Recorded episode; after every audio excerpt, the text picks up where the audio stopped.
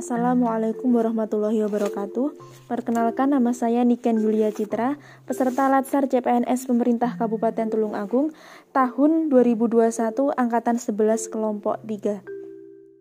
Dalam rekaman Learning Journal hari ini, saya akan berbagi pengalaman belajar materi kedudukan dan peran PNS dalam NKRI yang saya peroleh secara sinkronus dengan tatap muka atau Zoom meeting yang didampingi oleh Ibu Heni dan secara asinkronus yang saya peroleh dengan cara membaca dan memahami materi dan modul ataupun PPT yang ada di MOOC.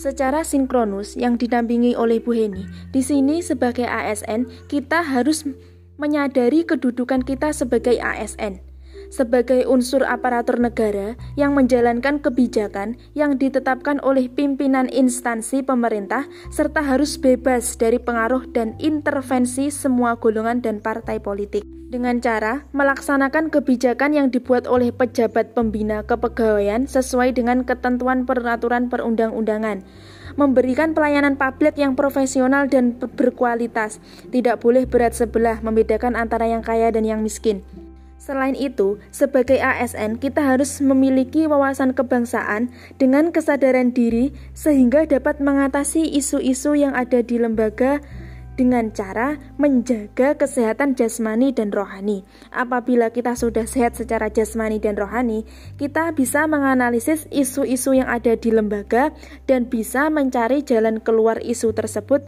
dengan prosedur atau aturan yang ditetapkan. Contoh analisis yang pertama tentang pelayanan publik, rendahnya pemahaman peserta didik kelas 2 pada materi tematik tema 1, subtema 1 di SDN 1 Bangun Jaya. Contoh yang kedua, rendahnya kompetensi guru atau tenaga pendidik dalam bidang IT di SDN Bangun Jaya 1. Ini termasuk manajemen ASN-nya. Ketiga, kemampuan pen pendidik IT kurang di SDN 1 Bangun Jaya.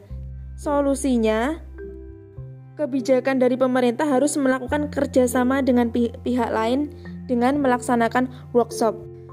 Selain bisa menganalisis isu dan mencari solusi dari isu tersebut, seorang ASN harus mempunyai manajemen ASN yang kuat, pondasi yang kuat, sehingga bisa memberikan pelayanan publik dengan sangat memuaskan. Sekian rekaman Learning Journal hari ini. Sampai jumpa di rekaman Learning Journal selanjutnya dari saya. Wassalamualaikum warahmatullahi wabarakatuh.